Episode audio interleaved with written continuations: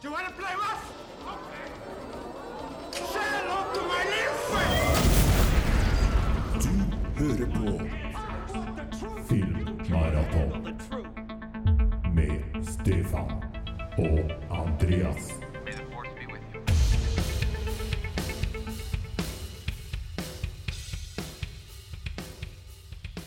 Ja, Stefan, godt nyttår. Godt nyttår, Andreas! Eh, 2020 er et spennende år med mange muligheter. Ja, det er det. Nytt tiår òg. Ja.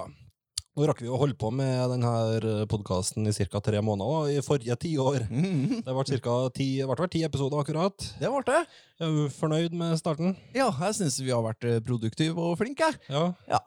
Eh, enig i det. Jeg har en, eh, for så vidt en podkast til i tillegg òg, som jeg lager sammen med en André fra Hifi Life. Ja. Eh, så den går det jo an å se hvis man ikke blir drittlei av eh, stemmen min eh, her, så kan man jo få se trynet mitt òg, faktisk, der, da.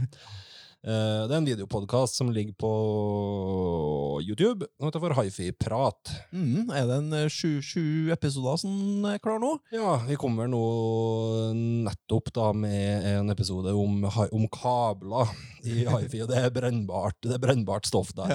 Eh, så den går det an å gå inn og, og se på, og du finner den på hifilife.no, som også er nettbutikken til, til Hifi, Hifi Life. -hmm.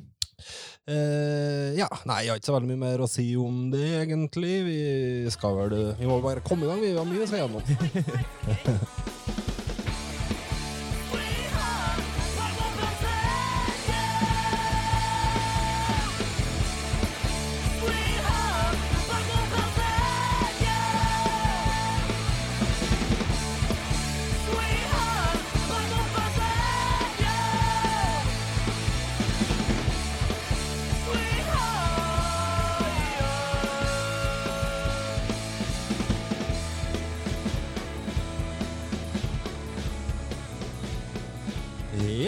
har vi kommet til episode 11 av eh, Filmmaraton. Og navnet mitt er fortsatt Andreas Balstad, og har med meg som vanlig da Stefan Tollefsen. Hei sann! Hei sann. Um, de her, denne episoden her, vi får se litt hvor lang den blir. Det kan hende at vi må komme tilbake om ei ukes tid med en del to.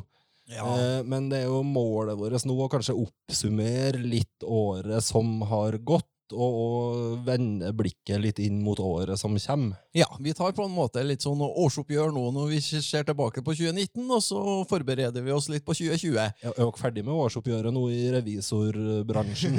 I, I staten så går det, blir vi nok ferdig sånn i februar, men hadde jeg vært i det private, så har vi holdt på til juni. Ok, Ja. så der er det fullt, fullt kjør hele Ja, ja, ja. Men det roer seg ned litt nå. Ja da. Ja. Ehm, ja, uh, vi kan jo begynne litt med bare å høre litt hva vi har sett siden sist. Nå har vi jo for en gangs skyld faktisk hatt noen uker, en liten måned nesten, der vi bare har kunnet ha sett det vi har villa, uten, eh, uten noen spesielle rammer for et maraton. Mm. Uh, så da er det jo interessant å høre hva du har brukt den tida til. Jeg har nå sett, sett masse, masse god film i romjula. Har jeg gjort uh, mye forskjellig. Eh, men det jeg skal nevne i dag, da, uh, det er For jeg har aldri hatt noe sånn terningkast seks-film på sett siden sist. Jeg har jo holdt meg mest til sånn terningkast fire-filmer. Ja, det er på tide at du smeller til med ei skikkelig god anbefaling. Og det, det, det, det kommer her nå. Oi. Ja da, og da skal vi til Japan, faktisk. Ja. Til en japansk anim animasjonsfilm. animasjonsfilm som heter for Your Name, og den kom da i 2016. Ja. Ja, og regien der er en kar som heter for Makoto Shinkai. Ja. Ja. Eh, eh, og han har nå flere filmer, og kommer han med noen nye filmer i ny film i 2020. ja, det er spennende. Eh, filmen da var kjempe, kjempebra. Altså, japansk animasjon på sitt beste. Ja. Og handler sånn kort om, da, om ei tenåringsjente som heter Michua, som bor på den her, ute på japanske landsbygda. Da, og så har vi jo en tenåringsgutt som heter Taki, som bor i Tokyo. Og de våkner da en morgen, de to, og så har de på en måte bytta kropp. Oh. Det er litt som en John Travolta og Nicholas Cage. ja, det, det er litt sånn der. Eller mer, nei, kanskje mer sånn Freaky Friday. ja, Ja. ja. så de våkner opp en morgen, og plutselig så har han tak i der. Han har jo jentekropp og benytter jo selvsagt den muligheten til å ta seg mye på puppene. Ja. Så det, det er jo naturlig. Ja. Um, og det her holder de på å gjøre, da. ikke hver dag, men litt sånn annenhver dag i en, i en periode. Ok, så det er litt sånn rull, rullett om morgenen hvilken Ja. kropp de uh, våkner opp i. Det er det. Ja. Så det er litt sånn artig, artig konsept. da. Ja. Og det, det her gjør jo at det oppstår jo selvsagt en del eh, komiske og ubehagelige situasjoner for de, her- her to under den her switchinga. da. Mm. Uh, um, men etter ei stund så blir det slutt på det. Og da bestemmer han eh, tak i der da, for oss å, finne, finne igjen hun jenta som han har uh, bytta, kropp med så lenge. da. Og ut eh, derifra så blir det veldig mye snedige vendinger, og den er veldig overraskende hva, hva som skjer. Ja. eh, og den er veldig, veldig engasjerende, i tillegg til at den er veldig, veldig morsom. da. For det er ei komedie. Det, ja, den er mer sånn i komedielandskap, ja. eh, Ja. er det. Mm. Samtidig som det er veldig mye sånn drama, drama, dramafilm òg, da. Så det mm. ja. Den har noe dybde og hjerte. mm, Mm. Og den ser jo helt, helt fantastisk ut. Ja. Den eh, Animasjonen er så detaljert og så fint at jeg har nesten ikke sett eh, maken også. Nei. Så det er helt, helt, helt fantastisk, er det. Um, så nei, det er en soleklar sekser fra min side. Eh, Så det var den filmen jeg så i romjula, som jeg tørka noen tårer av eh, når filmen var slutt. Eh, Ikke for, fordi at jeg ble så trist, men fordi at den var så fin, på en Ja, måte. Og, du ble litt sånn Du ble, du ble litt sånn tatt av stunden. ja. Ja, nei, det er ikke så verst. Hvor kan man få sett den her, Anna? Du får nå i hvert fall kjøpt den på Blu-ray. Den er gitt ut på Blu-ray av Star Media Entertainment. Mm. Eh, Og ellers så Jeg vet ikke hvordan det er på streaming, men den bør jo være tilgjengelig eh, på et eller annet vis, Ja, det, tenker jeg. det er mulig å, mulig å søke den opp. Du nevnte jo den her i jula. Altså, jeg husker jo at du snakka om den da men jeg har glemt navnet på den. Ja. Eh, Så det, jeg skal definitivt sjekke den ut nå når jeg, husker, når jeg vet hva den heter. ja, du skal nå få låne Blu-rayen min hvis du vil. Ja, det kan jeg jo vurdere å, å gjøre, selvfølgelig. Og um, Det kommer jo òg en, en vestlig remake av denne filmen i spillefilmsversjon, som den JJ Abrams driver på å produsere. Ok. Og Mark Webb eh, skal regissere, da, han som regisserte her eh, Spiderman-filmene runde to fra, Sonos, fra Sony. Mm. Og det høres jo lovende ut, for så vidt, det òg. Ja da, eh, samtidig så klarer de å gjenskape den magien som den animasjonsfilmen klarer. Nei, det, den må vel i tilfelle leve på sine premisser, Ja. tenker jeg, den, den remaken, da, i tilfelle. Men det kan jo i alle tilfeller bidra til at animasjonsfilmen òg blir mer kjent, da. Ja, for det er litt ukjent navn for, for min del, men jeg vet jo når du nevnte den sist, så sa du at det her er på en måte en moderne klassiker innenfor, innenfor sjangeren, som ofte blir dratt fram. Så det får jo gå på min kunnskapsløshet i tilfelle. Jeg hadde ikke, hadde ikke hørt noe mye om den heller før, før jeg sjekka litt nærmere hvordan hvor titlene som, som var på platekompaniet i anime-hylla der, da. Ja. Nei, men en sterk anbefaling der. Din mm. første sekser. Ja, det, det, det vil ikke være et sjokk for meg hvis det er din siste sekser òg. Ja, Men det, er litt en merke, det er litt en merkedag, egentlig. At det, at det er såpass Nei da, eh, det er bra. Eh, Du får ikke noe terningkast av meg i dag, Stefan. Nei! Uh, For jeg har for så vidt òg sett mye, sett mye film i, i jula, og driver og jobba både med den her um, eh, Topp 50 fra tiår-lista vår som ligger på Facebook, men òg forberedt litt i dag den her topplista fra året som har gått. Ja. Men jeg tror jeg sparer en del av de filmene jeg har sett og sånt til, til da. Eh, tenker jeg vi tar en lite, et lite sidespor igjen tilbake til TV. ja. Eh, og nærmere bestemt da til HBO, og se litt på hva er, hva er statusen for HBO akkurat nå. Ja, for du, du, du hadde jo begynt å se The Watchmen, kommer jeg på. Ja, og HBO har jo drevet og leta litt etter hva er den her storserien deres nå som Game of Thrones er over. Mm. De, de må jo nesten til hver tid alltid ha en virkelig seermagnet. Eh, og Watchmen gjorde det jo bra, hun var solid, men kanskje heller ikke brei nok appell til å bli en virkelig sånn super seersuksess på samme måte som eksempel Game of Thrones. da. Men den uh, ble jo avslutta nå før, uh, før jul. altså Damon Lindeløf sin, sin serie basert på, basert på Watchmen-universet. Er mange, mange episoder der, da? Det var ti, vel? Ja. Ni eller ti, litt usikker. Men ca. cirka ti. Eh, og den var, jeg syns den endte opp med å være eh, solid. så vil jo alltid være fans av Watchmen som på en måte mener at det her ikke bør røres i det hele tatt. ikke sant? Boka er det eneste som gjelder, og, og, og det er helligbrødet nær sagt å touche det universet i, i, det, i det hele tatt. Men jeg mener at den serien var meget god, og, og kom i mål på en bra måte. Mm. Hvis du skal sammenligne den mot filmen, da, hva, hva syns du var best? eh?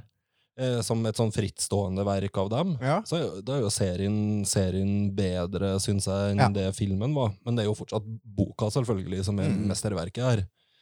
Men serien klarer mye av det samme som det opprinnelige materialet i forhold til det her med å diskutere litt hva er superhelterollen, litt det her metaperspektivet på det, samtidig som den klarer å ta noe sånn samfunnsrørelser på, på kornet, da. Mm. Som det opprinnelige verket òg gjorde. Mm.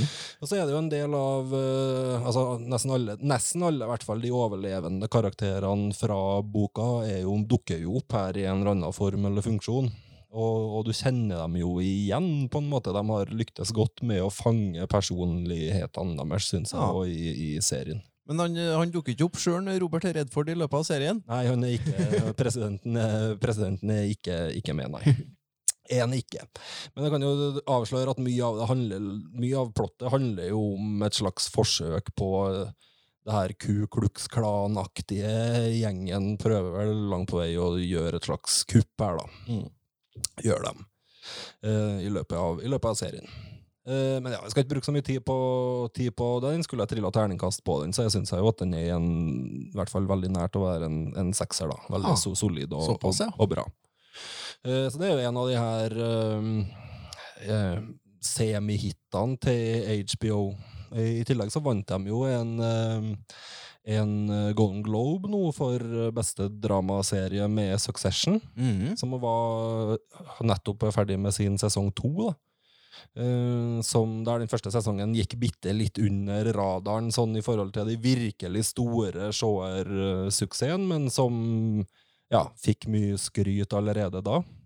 Succession, eh, fortell fortell litt om hva, hva premisset for den eh, serien var. Eh, det er jo Jesse Pullman som har lagd den, som er en britisk eh, showrunner slash manusforfatter som står bak veldig mye av de her kjente komiseriene fra England da, på 2000-tallet, med, med Peep Show og In the Thick of It og Fresh Meat, blant annet, i tillegg til at han var med og skrev manus til de her filmene Four Lions og, og In the Loop. Mm. Så han er jo en sånn En av de virkelig store, kall dem eh, eh, hjernene i engelsk humor de siste 15-20 årene.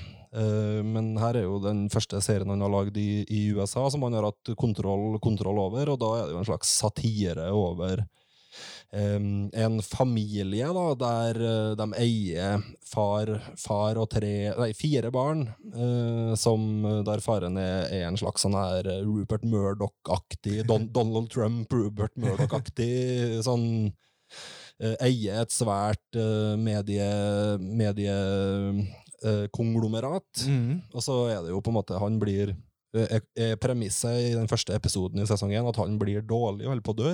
Mm. Og så begynner jo de her eh, ulike barna da å flytte sine sjakkbrikker i forhold til hvem er det som skal være den som tar over det her når, når og hvis han går bort. Ja. Eh, så det er jo en satire. Eh, samtidig Ja, rett og slett. Over, eh, over um, grådighet og, og familie og Ja. Rett og slett den der, en sånn, den der delen av amerikansk business og offentlighet, da. Mm. Eh, med Brian Cox, da, som han her eh, patriarken, og, og Kieran Culkin for eksempel, er jo også med her i en stor rolle, som kanskje den mest motbydelige av de her fire barna. da. Ja, det er Så den er veldig, den er veldig sjåverdig og, og underholdende. Eh, ikke sett helt, helt helt ferdig sesong to enda, men det jeg har sett av sesong Jeg har sett hele sesong én og ca. halve sesong to, og mener at det fort er solid og, og underholdende. mm. Så den er absolutt verdt å ta en, en kikk på. Den ligger på HBO, den òg. Ja, ligger på HBO. Og er en av de seriene som HBO har stor, store forhåpninger til. Fikk en Golden Globe nå, så er jo det markedsføring til 1000. Ja, ikke sant? Um, men det som kanskje er den her virkelig store, det store håpet til HBO nå inn i det nye tiåret, det er jo His Dark Materials. Ja. Uh, som er et sånn fantasy-drama basert på den her, Det gylne kompasset, eller de her, den her bokserien av Philip Pullman. Ja, for det, det var det en kom i film i 2007 eller et eller annet sånt med Daniel Craig og Nicole Kidman. Ja. Uh, og så er det en, en bok, altså en TV-serie nå som da har kommet i en hel sesong, og allerede er fornya for en ny sesong. Ja. Eh, og der er BBC inne på produsentsida og distribuerer serien i, i Storbritannia, men det er HBO som har distribusjon i resten av verden på, på denne serien. Okay. Mm. Så et samarbeid mellom, mellom dem. Um, hovedpersonen her er jo, spilles jo av Daphne Keane fra Logan, hvis du husker hun. Ja, ja. Um, og er jo veld, veldig talentfull. Mhm. Eh, I tillegg så har du jo kjente navn her som James McAvoy uh, og han Lin-Manuel Miranda fra Hamilton. ja. Uh, og James Cosmo er med, Ruth Wilson, som mange kanskje så i Luther-serien, blant annet, er jo med i store roller her, da. ja. Det er stort sett britiske skuespillere som, som er, har de, de viktige rollene i denne, i denne serien. Eh, og det er en sånn serie som de har et kjempestort, eh, kjempestor trua på. Det er jo et slags, det foregår jo et slags sånn alternativt univers, eh, en alternativ verden der alle mennesker har et dyr som følger dem, som er en slags sånn representant for sjelen deres, på en måte. ja. Så sjelen deres er ja, i dyreform, og de kan snakke med den og kommunisere med den, og på en måte hvis den ene dør, så dør den andre, og så videre. Um, så, er, så det, er jo, det er jo et uh, fantasy-univers, og var vel i sin tid òg skrevet litt som et sånn kalle ateistisk eller humanistisk motsvar til Na Narnia. Ja, jeg har jo Der forstått du, det sånn at den, eh, den driver med litt religionkritikk, egentlig, den her eh, bokserien. Og så den, fil, den filmen som kom, da fikk veldig kritikk for at den bare fjerna det som hadde med det å gjøre. Ja, det kan, det kan hende at, den, at serien er flinkere til å ta vare på det. Men på en måte, det er jo litt sånn der Narnia har den her Aslan-figuren som Mhm. må stå opp for, fra de døde og frelse menneskeheten, på en måte, så er vel litt av greia i, i Det gylne kompasset, eller i His Dark Materials, som bokserien opprinnelig heter, at um, ja, den har vel litt mer trua på, på mennesket, da. Ja. Uh, er vel, er vel tankegangen, tankegangen der. Eh, jeg har sett nesten hele sesong og jeg må si det, er- det er veldig engasjerende. Det er en veldig stor, det er en stor produksjon, gode, relativt gode effekter og, Ser bra ut. ja, og et spennende, spennende univers. Med ganske tydelige protagonister og antagonister, på en måte, og, men og, ja, den er, den er jevnt over veldig god. Mm. Så det blir spennende å følge den framover, om den faktisk kan Den snøballen kan begynne å rulle såpass for den serien at den faktisk blir en sånn klassiker, for, for å si det sånn, for HBO. For den har mange bøker ennå å ta, eh, ta videre. Det er Det er en trilogi eh, vel som handler om det her gylne kompasset. Eh, og så er det vel også skrevet to eller tre bøker til i ettertid som foregår i det samme universet, men som er i frittstående fortelling. Okay. Uh, Så hvis man ønsker, så kan man selvfølgelig holde på ganske lenge innenfor det her universet, Mm. dersom, dersom det viser seg at det blir en så stor hit som HBO og BBC håper på. da. Ja, nei, det kommer eh, Game of Thrones. De har virkelig lagt, lagt for flere, flere fantasy-serier framover. Altså, jeg gleder jo meg kanskje mest til at tidshjulet eh, Mm. kommer, kommer i TV-serieform. Eh, Hvem som har dem igjen? Er det Netflix, eller er det jeg er litt usikker på hvem det er som har produksjonsrettighetene på, på dem, men det er jo satt i gang, satt i gang utvikling av, av både det og av en serie fra Ringenes herre-universet. Ja. Det er vel Amazon? Det er vel Amazon som har, ja. Eh, Så det kommer jo til å skje mye her i løpet av 2020 og 2021, tenker jeg. Ja, og i tillegg så får vi flere Game of Thrones-serier òg. Fantasy er jo mainstream nå. Det er jo bare, bare sånn, det, sånn det er. Så anbefaler, hvis man ikke har HBO-abonnement for tiden Men Man sa det opp etter, etter Game of Thrones. Det gjorde så, ja, det kan jo være verdt å, være verdt å pløye gjennom noen av de seriene her i, en, en, ja, i løpet av våren, hvis man har, har tid, tid til det. Mm.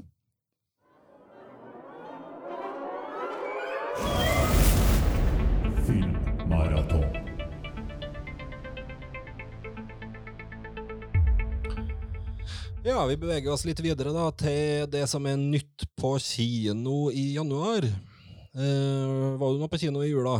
Nei, jeg var ikke det. Jeg skulle jo vurdere om jeg skulle se Star Wars. Ja. Ja, og så så jeg den derre Last Jedi så jeg jo i sikkert lille julaften eller noe sånt, ja.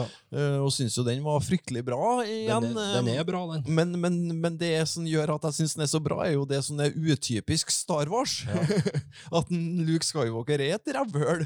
det, det, det er jo det som jeg syns er så, det- så det gjorde at jeg ikke ble egentlig i den Star Wars-modusen som jeg trodde, så jeg droppa Så jeg har ikke vært på kino i jula. Det hadde vært kult, Vi skal ikke si så mye om den nye Star Wars-filmen, men det hadde vært kult om de hadde gått for et litt friskere valg på film tre òg, enn å gå tilbake til det, try, det trygge Det var, det, det var jo det jeg fikk feelingen av, at nå var du tilbake igjen på episode sju, egentlig, da. Og, Det er no nostalgifest, Ja. er det. Men, eh, men jeg er helt enig jeg, i at Last Jedi er den soleklart beste filmen av de tre, de tre nye. ja. Um, ja, helt, helt klart. Skulle jo selvsagt ha vært på kino og sett Cats. Eh, Jeg har ikke noen god forklaring på hvorfor ikke. Nei. Det kan dere, eh, hvis dere har lyst til å kritisere oss i kommentarfeltet på Facebook for at vi ikke har vært og sett Cats ennå, så må vi bare ta den. Ja, for, vi, har, vi har ikke gjort det. vi har ikke gjort det, og det er for dårlig av oss. Ja, Men vi er selvfølgelig fortsatt interessert. Det skal nok komme, på, komme i Blu-ray-samlinga mi, tenker jeg. Eh, en film som jeg er interessert i å få med meg, som har premiere nå i den helga som gikk, da, eller ja, fred, fredagen før, før dere hører det her, det var Terence Malick sin A Hidden Life. Mm. Uh, jeg er jo glad i gode, gamle, gode, gamle Malick. Han, eh, her er jo en, en eh, film som er satt til Tyskland og Østerrike under andre verdenskrig, og forteller vel ei, ja, sann historie da, om en østerriker som eh, blir kalt inn for å slåss i, i hæren til nazistene, og nekter det, og, og rett og slett de følgene og konsekvensene det får. da. Mm.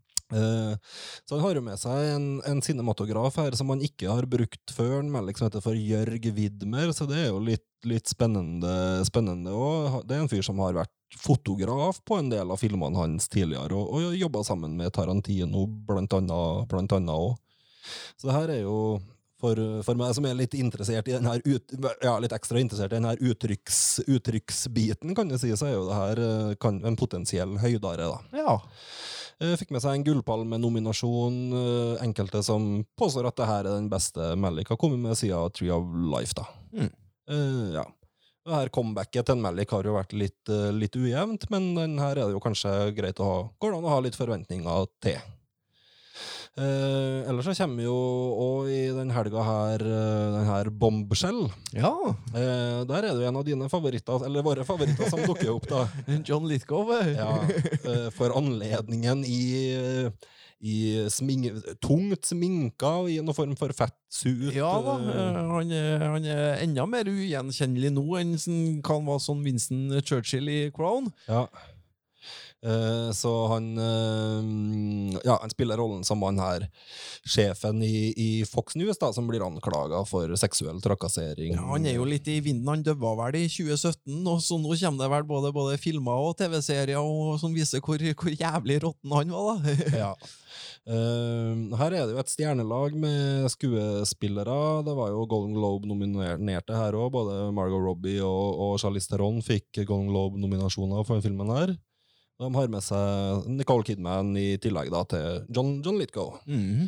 Eh, Jay Roach uh, er jo en regissør som man aldri helt vet hva man får av. Du har jo liksom både Austin Powers og, og Meet the Parents og noen gode titler, så har du òg litt mer med, mediokre komedier, skal vi si det sånn. Ja da, men, men han har Austin Powers-filmene, så da Han har det.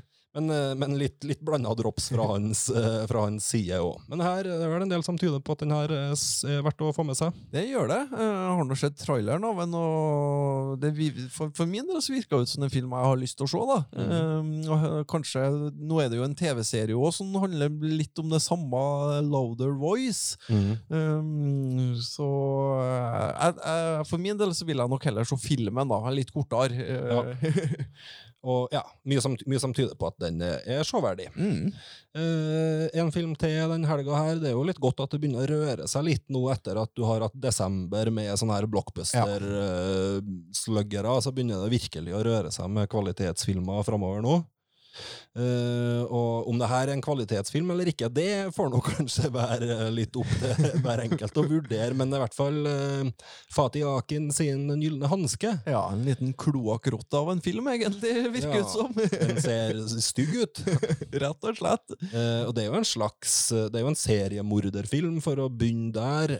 basert Bas- på en sann historie, men fortært i et formspråk som virker ja, potensielt provoserende, kanskje. da. At den tar den, den gjør det jo om til en slags sånn blanding av horror og humor. Ja, det, Kan det jo, kan det jo se ut som. Så, det, det første som slo meg når jeg så traileren, det var én, den her har jeg lyst til å se. Ja. To, den her er kanskje er noe for kultfilmspalten. Ja. og, og tre, faen hvor stygg og heslig alt, alt er. Ja.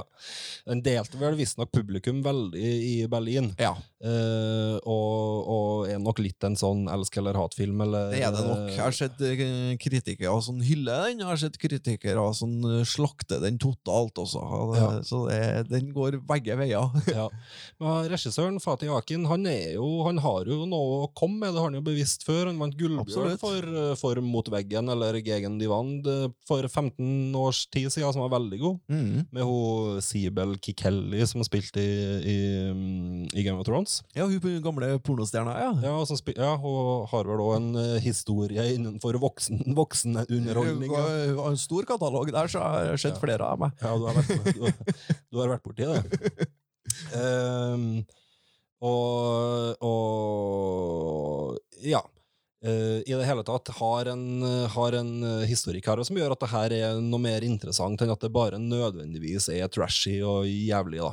Den minner jo Jeg, jeg fikk jo òg tankene litt til Lars von Trier sin eh, film som kom i, kom i fjor. eh, den eh, The Host That Jack Build. Ja.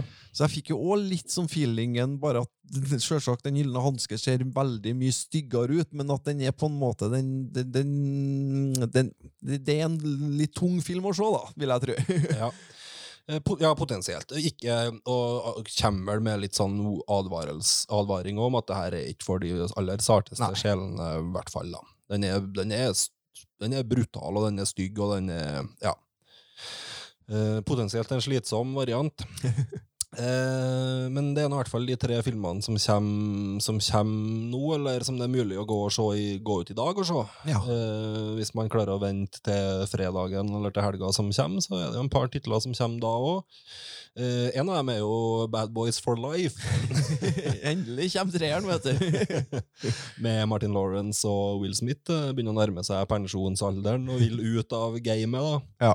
Det er jo litt sånn, det virker jo som det kunne ha vært uh, Dødelig våpen 4, det her, på en måte. Mm. Men, med, men med Lawrence og Smith som den her dynamiske duoen. Uh, regissøren her er Joe Caranahan, altså, som er kanskje mest kjent for å ha lagd A-Team-filmen.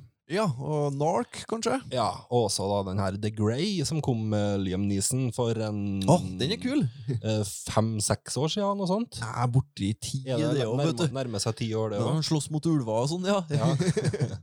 Så det er jo en type, en type det er litt erfaring fra action, actionfilm. Men Michael Bay er ikke med nå på treeren i hele tatt, han? Det er ikke inntrykket mitt at han har noe spesielt med det å gjøre.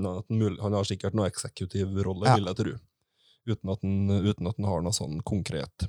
Mm. Men det her er nå det det er. Folk må nå bare vurdere Altså, bad boys er bad boys. Likte du nå de to første Bad Boys-filmene, så er treeren helt sikkert kurant ennå. Ja. Men uh, litt grann money-grabbing er det nok inne i bildet. Selvfølgelig. Inne i bildet, i bildet her. Men det kan jo være en grei firer. Ja, Det er det jeg tenker, jeg òg. Eh, og så kommer jo en av de filmene og som kanskje du har mest eh, trua på nå, det er jo Taika Waititi sin eh, nye film Jojo Rabbit. ja, eh, den, den, den har jeg litt trua på, altså. Det, det å på en måte tørre å blande andre verdenskrig og humor og Hitler og sånn, og hvis man klarer å gjøre det bra, så kan det fort bli veldig bra. Det her handler om en gutt som er med er rett og slett er Hitlerjugend. da, Er med i barnehæren til eh, nazistene under krigen, og som rett og slett da har Hitler som sin fantasivenn. eh, og eh, Scarlett Johansson spiller jo mora hans, som han etter hvert da finner ut at driver og hjelper til å gjemme en, en jødisk jente på loftet der de bor. Og da blir jo han her Jojo, som han heter, han her gutten, konfrontert med sin nasjonalisme. Mm. Eh, så den er jo Den, den går jo for å ha Den har jo et budskap og et hjerte og en bunn, på en måte, samtidig som den tør og, som du sier, å lage humor ut av, ut av de, her, de her tingene her. Eh, Taika Waititi spiller sjøl, Sam Rockwell, Scarlett Johansson, som jeg nevnte, er med. Alfie Allen, Steven Merchant, Rebel Wilson. Mye, mye sånne populære komedienavn som, som er med Mm. Eh, i denne, i denne filmen her. Så får vi se, da. Jeg har jo sagt at den er min favoritt inn mot Oscar- Oscar-løpet, og det går jo litt på Jeg tenker på eh, Roberto Beninis La, La Vita La Bella og sånn, så da man liker jo ofte andre verdenskrig, og, og at man klarer å gjøre det med stort hjerte, da. Vi kommer jo litt tilbake til Golden Globe eh, etterpå, men den, var jo, denne filmen her var jo nominert eh, til beste film innenfor musikal og komedie. Mm. Nådde ikke helt, helt opp der, men har allerede da fått et nikk fra juryene der ute. Hvem som vant den kategorien, da? Eh, Det var Tarantino, Once Upon a Time. Ja, ja, ja. Um, var det. Eh, ellers så tar vi med oss en norsk film som har premiere til helga. Det er denne dokumentaren eh, 'Selvportrettet', eh, som Margaret Olin har lagd sammen med Katja Høgseth og Espen Wallin. Mm. Som handler om her fotografen eh, Lene Marie Fossen, som hadde anoreksi, og som døde av det nå i, i oktober. ja. Eh, som allerede har begynt å ha fått en del kritikker i norske medier. Går for å være veldig sterk, selvfølgelig, men også veldig god, da. Ja, og Susann Sundfør har vel soundtracket. Mm. Eh, så vi, vi vet ikke så veldig mye mer om, om den, annet enn det vi har lest i, i anmeldelsene, og at den kan være definitivt verdt å ta en, en kikk på. Mm. Eh, ellers så kommer det jo veldig mye bra, eller potensielt gode ting nå da, i løpet av måneden. Jeg tror ikke vi får med oss noe mer enn omgangen her, men eh, i slutten av måneden får vi nesten komme tilbake til det som kommer da. Ja. Eh, og da har vi jo titler som 1917, eh, The Lighthouse, eh, Parasite og, og nyinnspillinga av Little Women. Mm. Så her er det klart at januar på alle vis ser ut til å bli en knallsterk eh, kinomåned i, i Norge. Det gjør det. Så I USA så går det jo januar for å være liksom den, den måneden man slipper, slipper raklet som man ikke har eh, trua på, mens i Norge så er det ofte at vi får de her eh, Oscar De som har blitt sluppet for å nå det ra- racet, da. Mm. Ja, Norge og, og mye store deler av resten av Europa, Ja. så vil, vil januar og februar være høy, høysesong. Det er nok en del bra på kino i USA òg, men du har sikkert også rett i at man slipper en del er litt mellomsesong òg, fordi mye av det her allerede har hatt premiere. ja. Mm. Nei, så ja. Eh, spennende start på året. Her er det masse bra man kan få med seg, rett og slett.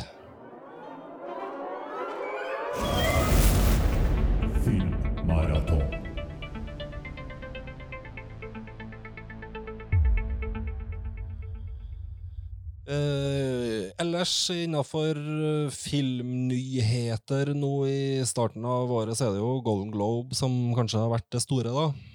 Eh, Ja, bruker, det- du, det det. bruker du å følge med på det, eller er det liksom Oscar som har noe virkelig tyngde Ja i boka di? nei, jeg følger klart mye mer på Oscar enn en Golden Globe, så Golden Globe går, jeg, ser jeg jo mer på en sånn pekepinn fram mot Oscar, egentlig. Ja, litt interessant i forhold til hva som blir de nominerte, nominerte der. Det den gjør annerledes enn eh, Oscar, er jo at selvfølgelig at den har egne TV-kategorier, eh, men òg at den deler filmkategoriene i to med Kall det litt tyngre drama på den ene sida, og mer lettbente filmer eller musikaler, komedier på den andre. Mm. Og deler ut mye av de viktigste prisene sine i begge kategoriene. Mm. Um, og da fikk du sikkert med deg at det var Sam Mendes i 1917 som endte opp med å vinne uh, dramakategorien. Ja, det, det var det. Eh, den ser nå sikkert veldig bra ut, hvis jeg ikke kjenner en Sam Mendes rett. Ja, Han har jo med seg en Roger Deakins her, som kanskje er ja, en, en av de aller aller største stjernene innenfor cinematografi Ja. Også, som, jeg bare tenker på hans Bond-filmer, det er jo ingen Bond-filmer som ser så, så lekker ut, da. Nei, og for å få et hint til hva Deakins har, har gjort før Han jobber jo selvfølgelig sammen med en på Skyfall, men du kan jo tenke på filmer som Blade Runner 2049, eh, No Country for Old Men, Sicario, Prisoners, Ja, eh, mordet på Jesse James, osv. ja, ja. Nei, da har vi mange, mange pene filmer der, ja. Ja. Så at uh, det er nok kanskje ikke urimelig i seg sjøl, uten at vi har sett 1917 1917 at den uh, gjorde det såpass bra. Men samtidig så var det jo litt overraskende at uh, de her eh, store titlene til Netflix ikke nådde opp. Ja, er det politikk inn i bildet, tru? Ikke så godt å si. Det var litt første tanken min òg, i og med at Marriage Story og The Irishman fikk så mange nominasjoner og er såpass gode som de er, Mhm. så var det litt overraskende kanskje at det kom en film litt om ikke, ikke under radaren, gjorde den på ingen, på ingen som helst måte, men den var kanskje, 1917 var kanskje ikke forhåndsfavoritten. Nei, det var ikke den som har blitt snakka mest om, i hvert fall. Nei, og da kan det jo være fristende å tenke at det er et element av politikk i det, i at uh, kan kalle film-Hollywood uh, hell, hell igjen litt Ja. for Netflix sin store dominans, men samtidig så jeg begynner jeg å se mer og mer klipp nå fra 1917, og, og Kan jo være at den rett og slett er bedre òg. mistenker kanskje det, at det er ikke helt utenkelig, at, den faktisk, at det bare er så enkelt som det, da. At Ja. den bare er, er bedre.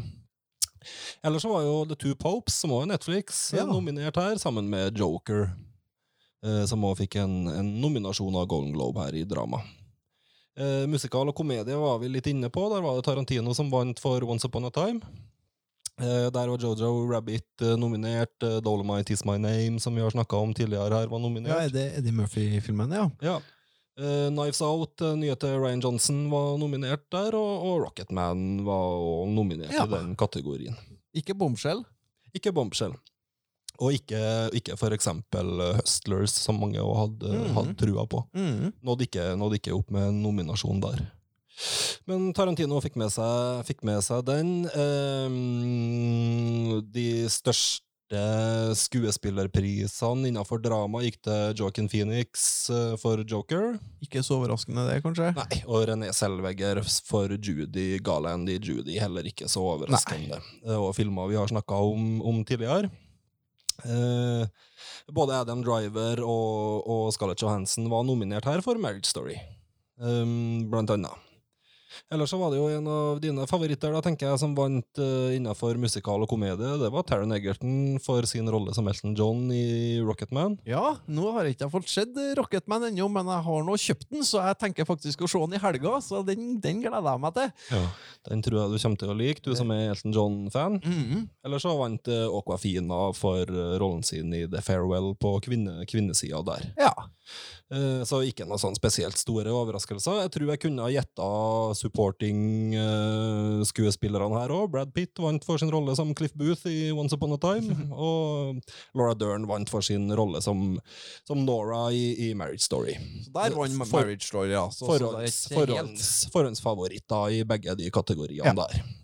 Jeg nevnte vel det, òg, at det var Jeg mente det var en av Brad Pitt sine beste roller på, på lang tid, den her rollen. Sammen. Ja, men det, det, er, det er jeg helt enig i. Jeg, jeg fikk jo sett den i romjula, jeg òg, og helt enig. Den, nå er ikke jeg, syns ikke Brad Pitt nødvendigvis er så veldig god skuespiller, men han, øh, han gjør det veldig bra i Once Upon, ja. Absolutt. Så det, det er ikke noe sånn spesielt overraskende at han tok den. Eh, Mendes vant eh, regiprisen for 1917. Tarantino vant manusprisen for Once Upon. Uh, Hildur Gudnadottir fikk uh, altså beste score for Joker. ja.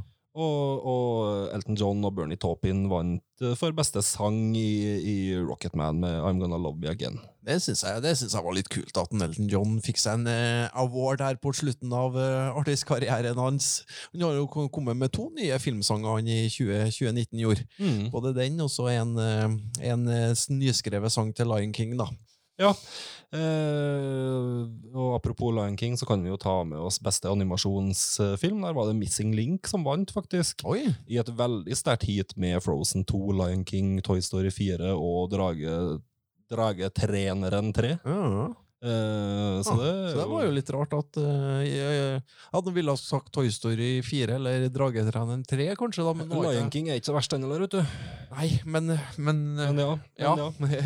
Det er et relativt sterkt hit der, da. Så det er jo litt interessant. Kanskje man burde ha fått sett den Missing Link, da. ja, tydeligvis. Eh, ellers så vant jo eh, storfavoritten i utenlandske film òg, sørkoreanske Parasite. Ja. Som har vært hypefilm nummer én i, Det- i, ja, ja. I hele vinter. Vinner sikkert Oscar for beste Ja, kjem, ja. Uh, ligger godt an der. Og har kinopremiere, som vi sa, nå i Norge i slutten av måneden. Ja. Uh, så den er bare å få med seg. Den ser veldig underholdende ut òg. Eh, absolutt. Jeg skal definitivt se den. Ja. Men, uh, men ja, den er òg hypefilm nummer, nummer én nå i, i vinter. Uh, ja. Ellers så vant, som vi sa, Succession beste TV-drama, og Fleabag vant beste TV-komedie. Ja. Den her engelske, engelske serien. Ja, så det var nå litt sånn oppsummering av Jo, så er det vel eh, det Ricky Gervais som var, var programleder. Ja. Ja, og han eh, skaper jo alltid litt kontrovers, han, med sine, sine taler. Eh, Jeg har nå bare hørt, hørt litt av dem. Han hadde nå blant annet en eh, Epstein-vits som var fryktelig morsom. Den flirer jeg høyt av, i hvert fall, så sjekk opp, sjekk opp den hvis dere Nå- har lyst. Noe stikk til damene Leonardo DiCaprio og litt forskjellig. Men han er jo veldig, han er veldig hit and miss, eh, og noe av det er bare ufint, og noe av det no, Av og til så bare sier han sånne ting som faktisk, der han faktisk treffer på kritikken sin, og så er det ting som bare er litt sånn eh, halvstygt, da. Ja, men det er artig, da. Du liker han, du? Ja, jeg liker når det stiger,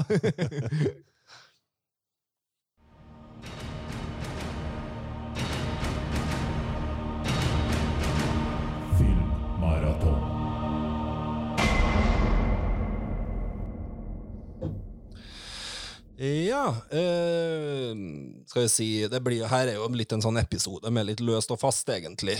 Eh, men eh, vi har jo forberedt en liten, eh, et lite tilbakeblikk på året som gikk, da. Eh, prøve å oppsummere litt eh, hva er de beste, beste filmene i året som gikk. Det er jo vanskelig å lage en sånn liste, fordi Hva skal ligge til grunn for bedømminga? Eh, ja, det kan du jo si. Det må jo til syvende og sist bli smak og, smak og behag, eh, eller ei, ja, ei, vur, ei vurdering av kvalitet, på en måte.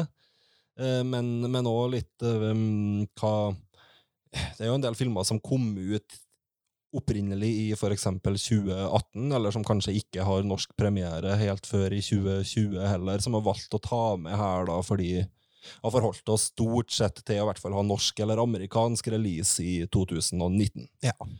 Uh, så er det vanskelig å få med seg alt, men det aller, aller, aller meste som er med her, er ting man har kunnet sett på kino i, i Norge i løpet av året som har, som har gått. Mm. Eh, og da kan vi jo begynne med Det blir jo en slags eh, topp 25, kanskje, det her, da. Så Vi kan, kan jo begynne med de her åtte-ti titlene som jeg mener er nært, men ikke helt Eller som er ok, gode, gode filmer. Det som kanskje ville ha vært eh, relativt sterke, gode firere, da. Um, og da kan vi jo begynne med Captain Marvel. Ja, ja, en sterk firer. Eh, vi har òg den her skrekkfilmen The Hole in the Ground. Mm. Eh, vi har den her um, meksikanske eventyrskrekkfilmen Vuelven, eller Tigers Are Not Afraid. uh, som jeg ser at dukker opp veldig høyt oppe på en del av de her kritikerlistene fra året som har gått, som er sånn her blandende litt sånn narkodrama blanda med uh, litt horrorelement, og, og kan minne litt om Pans labyrint, kanskje, i, i stil. Men med mye narko i tillegg. Ja, det er unger som roter seg bort i det her na- na- øh, gangster- slash narkomiljøet i, i Mexico, Ja. er det. Den har definitivt en del, en del kvaliteter og er verdt å, verdt å sjekke ut, men jeg syns den uh, ja, det er en del ting som Jeg syns blant annet en del dårlig CGI og, og en del faktisk dessverre litt dårlig barneskuespillere trekker den litt ned fra det som er i utgangspunktet er et veldig spennende og bra premiss. da. Vi har jo blitt veldig bortskjemt egentlig i siste med veldig gode barneskuespillere, så nå detter vel kanskje enda lettere gjennom da, hvis det ikke funker helt maks. Ja, altså kjenner jeg eh, eh, Det er et eller annet når altså CGI, Hvis CGI skal funke, så må det være dritbra. Ja, Eller, eh, eller så blir det støy for meg nå, faktisk, hvis det er sånn middels god CGI. Ja. Enn en enn hvis det er på en måte Hvis det på en måte er en del av pakka, det òg, at, at, at det skal se litt eh, Litt sånn eh, halvgjort ut, skulle jeg til å si. Nei, jeg får ikke følelsen av at det er det her, da. Nei. Jeg syns deler av det fungerer bra, og deler av det ser litt billig ut. Ja. Um, og kunne kanskje vært løst enda bedre med praktiske effekter eller på noen annen måte. Ja. Så, så man sikter ganske høyt med CG, CGI-en, men samtidig så innfrir ikke. Ja, eller ja, jeg får ikke til å forklare det på noe bedre, bedre måte. Eh, I hvert fall legg merke til at jeg ikke syns den er veldig god. Mm. Men det er mye annet med den filmen som er bra. Den har definitivt noen kvaliteter og et premiss og en idé som er veldig spennende, og lykkes ganske godt med det, så den er fortsatt veldig sjåverdig. Eh, ellers har jeg med Scary Stories to Tell in the Dark her, Mm. eh, som vi har snakka om flere ganger i podkasten tidligere. Eh, og jeg har òg med Skin. Eh, den her fortellinga om han som prøver å komme seg ut av et høyreekstremt miljø i, i USA. Ja, ja, ja, den eh, nazi, nynazistfilmen. Mm. Mm. Den er god. Uh, Hustlers fortjener vel å bli nevnt her. Uh, den kan jo finne på å dukke opp med noen nominasjoner etter hvert i, i Oscar. Jennifer Lopez har jo vært nevnt som et av de potensielle kvinnelige birollenominasjonene der, i hvert fall. Eh, Så vi får se på den. Den er absolutt underholdende. Ellers så har vi jo den her romantiske komedia Plus One, som har gått litt under radaren i, i Norge, men har gjort det ganske bra rundt omkring på streaming og på nett. Ja, den har ikke jeg hørt om, jeg. Eh, nei, det er nå et, venn, et vennepar som inviterer hverandre med i bryllup for å slippe å gå for seg sjøl. Okay. Eh, og så ender det opp med at de selvfølgelig finner ut at kanskje er det egentlig Ja, selvfølgelig. Ja. Men den er, den er relativt frisk, den også. Ja. Eh, Happy Death Day to You fortjener vel et nikk fra oss her. Ja, det gjør den. Eh, og ellers så har jeg med to av de her største titlene fra året i det segmentet her, og det er Joker og, og Star Wars The Rights of Skywalker. ja, men de når ikke høyere opp enn det. Nei, de er, de er, de det er solide, ok firere. Ja. Hører til trygt, trygt innafor der. Um, ville du rangert eksempel Joker høyere? Nå har ikke sett Joker ennå. De, de må jo få gitt den ut på Blu-ray før jeg kan begynne å trille terning på den. vet du. Men, det, det, eh, nærmer, det nærmer seg nok det. Men vi får komme tilbake, vi får komme tilbake til det, da. Men da, hvis jeg kaller det her boblerne, på en måte, da, så er jo det her de filmene som, var, som absolutt kan anbefale folk å se. Det var sjåverdige, sjåverdige titler, men tross alt kanskje ikke blant de 25 beste av dem vi har sett. da. Mm. Eh, men hvis vi begynner med den offisielle lista, så har vi på 25.-plass uh, Spiderman Far From Home. ja. Som vi vel begge var enige om at det er solid og god oppe og lukter på femmer, eh, femmernivået. Det er den. Eh, Det, var der eh, Jake Gyldenhallen var god som skurk, det. Ja. Spoila det igjen. Ja, det, det gjorde du, ja. Eh, Jake Gyllenhaal er skurken i Spiderman. nei, ja, den er, nei, folk har hatt et halvt år på seg til å se den. Så du, du ser det jo bare på posteren hvem som er skurkeren, egentlig. Men den er sjarmerende, underholdende, bra, godt, eh, Ja. godt tilskudd til MCU-en. Ja. Eh, 24.-plass så har jeg kjørt eh, Lion King. Ja, det var det, ja. Mm. Eh, jeg har jo et sterkt forhold for så vidt til den originale. Vi elsker jo den originale. Den, så den, eh, så den opptil flere ganger på kino i, tilbake Ja. i 1994, og kunne den vel på et tidspunkt mer eller mindre utenat, tenker jeg. Ja, Um, så jeg syns den klarte å ta vare på mye av uh, den Den gjør har det. fått, fått kritikk for å være litt glatt og sjarmløs. Jeg vet da farsken om jeg er så enig i det. Nei, den er ikke øh, nå, nå så jeg den på kino, og så så jeg den igjen i romjula. Mm. Og, og på kino, da, da satt jeg med gåsehud og den helt sånn virkelig store opplevelsen. Og så var jeg litt mer, prøvde jeg å være litt mer kritisk når jeg så den igjen på Blu-ray, men altså, den, den, den er jo fantastisk ordna. Og så er det litt sånn som når vi snakka om Psycho, eh, nye remaken av den i sin tid, så er det på en måte Lion King. Det er nå fremdeles Lion King. Det er jo en, det er jo en solid historie der, og Mofasa og Simba og Ja. men samtidig så er det jo klart at den, den, eh, den store kinoopplevelsen hadde, den er jo mye godt basert på de, fordi at jeg elsker den opprinnelige så godt, og sitter Ja. bare og venter på neste scene. Og fortsetter. Så som en sånn nostalgitripp for oss som var ti år da originalen kom, så var det, syns jeg det her var bra. Ja, Ja. Eh, Be Be Prepared var svak. Og du likte ikke hvordan de eh, løste den? Nei, ellers. Så, syns jeg, ellers så syns jeg at den funka på de aller fleste Ja. aks, akser, egentlig. Men du eller klarer ikke å sette fingeren på hva, hva som gjør den eh, en halvtime lenger? Jo, det er jo blant annet det her med Timon og hele det her Timon og Pomba-greia er jo lengre. Jo, men det er jo ikke noe konkret. Sånn, Nei, nei, det er det ikke. Det er De bare noe konkret, De bare bruker lengre tid på hver scene, og sånn, men, eh, og, Ja. og det er litt mer med Man følger, følger det her støvkornene til en Rafiki og, Ja. og, og litt sånn der. Litt sånn småpretensiøse. det, ja, det er sånn som de kanskje kunne ha spart seg, faktisk. Ja, det der med støv- håret som er inni Ja, sjiraffbæsjen, og så går videre. Ja, The Circle of Life. Eh, Så, men, men det er bare sånne ting. Det er ingen nye plottelement eller eh, nye på en måte eh, eh, meningsutvekslinger på en måte som sånn, sånn er. Nei. Både de unge voice-actorene fungerer bra. Jeg syns uh, Childish Gambino og Beyoncé er bra som Ja. voksne, voksne Simba og Nala. Og jeg syns òg at, uh, at Timon og Pumba fungerer, fungerer veldig, Ja, ja, veldig godt. Så, med Billy Eichner og, og Seth Rogan. Eh, Når jeg så den på Blu-ray eh, igjen, så så jeg, for jeg så den på engelsk på, på kino, så nå så jeg den norske dubben da, på, på Blu-ray, for, for at det var jo VHS-en jeg vokste opp med, så, så, så for å høre igjen, um, høre igjen i forhold til de norske stemmene, og der er det jo ikke noe tvil om at den originale dubben er bedre, da. Eh, det er jo så rart å ha en Håvard Bakke som Skar, når det er han som er Ja. Simba i den originale. Det er noe, det er noe med, med det. Men ja, nei, den, den funker. Det er en femmer. eh, Kanskje ikke verdens sterkeste femmer, men den definitivt uh, får det av meg. ja, av meg òg. Eh, 23.-plass, uh, der har jeg Gloria Bell, som er den her nyinnspillinga av eh, den søramerikanske filmen Gloria. Ja. Uh, Julianne Moore og, og, og, og, Herregud. eh, Jahn Teigen. Nei, ikke en Jahn Teigen. Um, eh, nå står det jo helt stilt i hodet mitt. Eh, John Turturro. Ja, det var ikke så langt unna. Nei, eh, som, eh, som bærer, bærer den her. I praksis også er en, ja, en romantisk drama om kjærlighet med blant middelal middelaldrende. Eh, solid. Mhm. Eh, 22. plass har vi Dolomite Is My Name. Ja.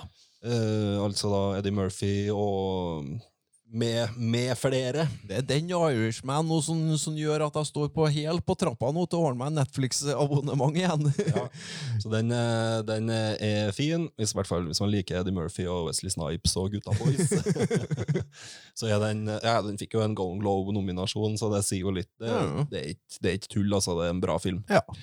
Eh, 21.-plass har jeg da Peanut Butter Falcon eh, med Shia LaBeouf. da. ja, den kommer, kommer på kino i Norge den nå i januar-februar. Den var jo ikke inne nå i januar, så, men den må jo begynne å nærme seg den. Februar antagelig, da. Ja. Februar, antagelig. Den er veldig god, altså. Eh, Få sett den. Eh, 20.-plass har jeg The Farewell, Ja. eh, med Aquafina, da, som hun vant, eh, hun vant Golden Globe for beste kvinnelige hovedrolle i musikal eller komedie. ja. Eh, som er denne filmen om eh, amerikansk jente med kinesisk bakgrunn som reiser hjem for å ta farvel med sin døende bestemor. Er det en musical eller er en komedie? da? Det er en dramakomedie. Ja. Men hele konseptet er at ingen i familien har lov til å si til hun er besteforeldra at bestemora hun er døende. Mm. Det skal være en hemmelighet for henne. Mm. Så det er liksom hele den her familien som møtes en slags siste gang i hermetegn da, rundt den her bestemora før hun, før hun går bort. Og så er det litt sånn hele den her greia med hvorfor kan ikke vi si til henne at hun er faktisk er syk og kommer til å dø. Ja. Eh, men som har vært en veldig stor hit på kino i, i USA, og som også da jo fikk en, en Golden Globe-nominasjon for beste utenlandske film, og, og, og hva Fina vant uh, Golden Globen for. Veldig, veldig god. Eh, 19.-plass har jeg dokumentaren om måneferden, da, Apollo 11. ja. Eh, her fant man jo plutselig en hel haug med gamle opptak som ingen hadde sett før, i helt sinnssyk kvalitet. den, er, um, den er nok kan, kanskje nesten egentlig fortjent å ha vært høyere opp på denne lista. Det er bare som ikke er helt, helt, helt nok interessert i, I romfart. i romfart til Ja. at den når helt opp, men den er, Så, den men det er jo en dokumentarfilm. Den er, den, men den er fantastisk. Den er helt sinnssyk. Uh, hvis man ser på alle de her klippene man har fått tilgang på, Ja. og virkelig vil komme tett innpå det. er Fantastisk kvalitet på Ja. de her klippene, gamle klippene de har funnet. Ja, for, det, for det, de er jo fra 60-tallet. Ja. Ja. Ja, men den er, den er vanvittig lekker, og, og sikkert egentlig fortjent en høyere plassering her. Men det får gå litt på min personlige Mm. pref preferanse. Jeg likte den, men ikke, ikke, så, ikke så godt. Eh, 18.-plass har jeg Ready or Not. Uh, den her uh, skrekkfilmen, uh, skrekkfilmkomedia da, om hun her jenta som gifter seg inn i en rik familie for å finne, Ja, ut, for den, å finne ja. ut at eh, f- for å få bli en del av denne familien her, så må hun overleve at de prøver å drepe. Ja. Den er underholdende og fin. Eh, sier ikke så veldig mye mer om, om den. Den minner litt om Den minner jo litt om Get Out på én måte, Ja. men med enda mer en sånn slasher eh, slasher-vri, da. En god film. Veldig. Eh, superunderholdende. Mm.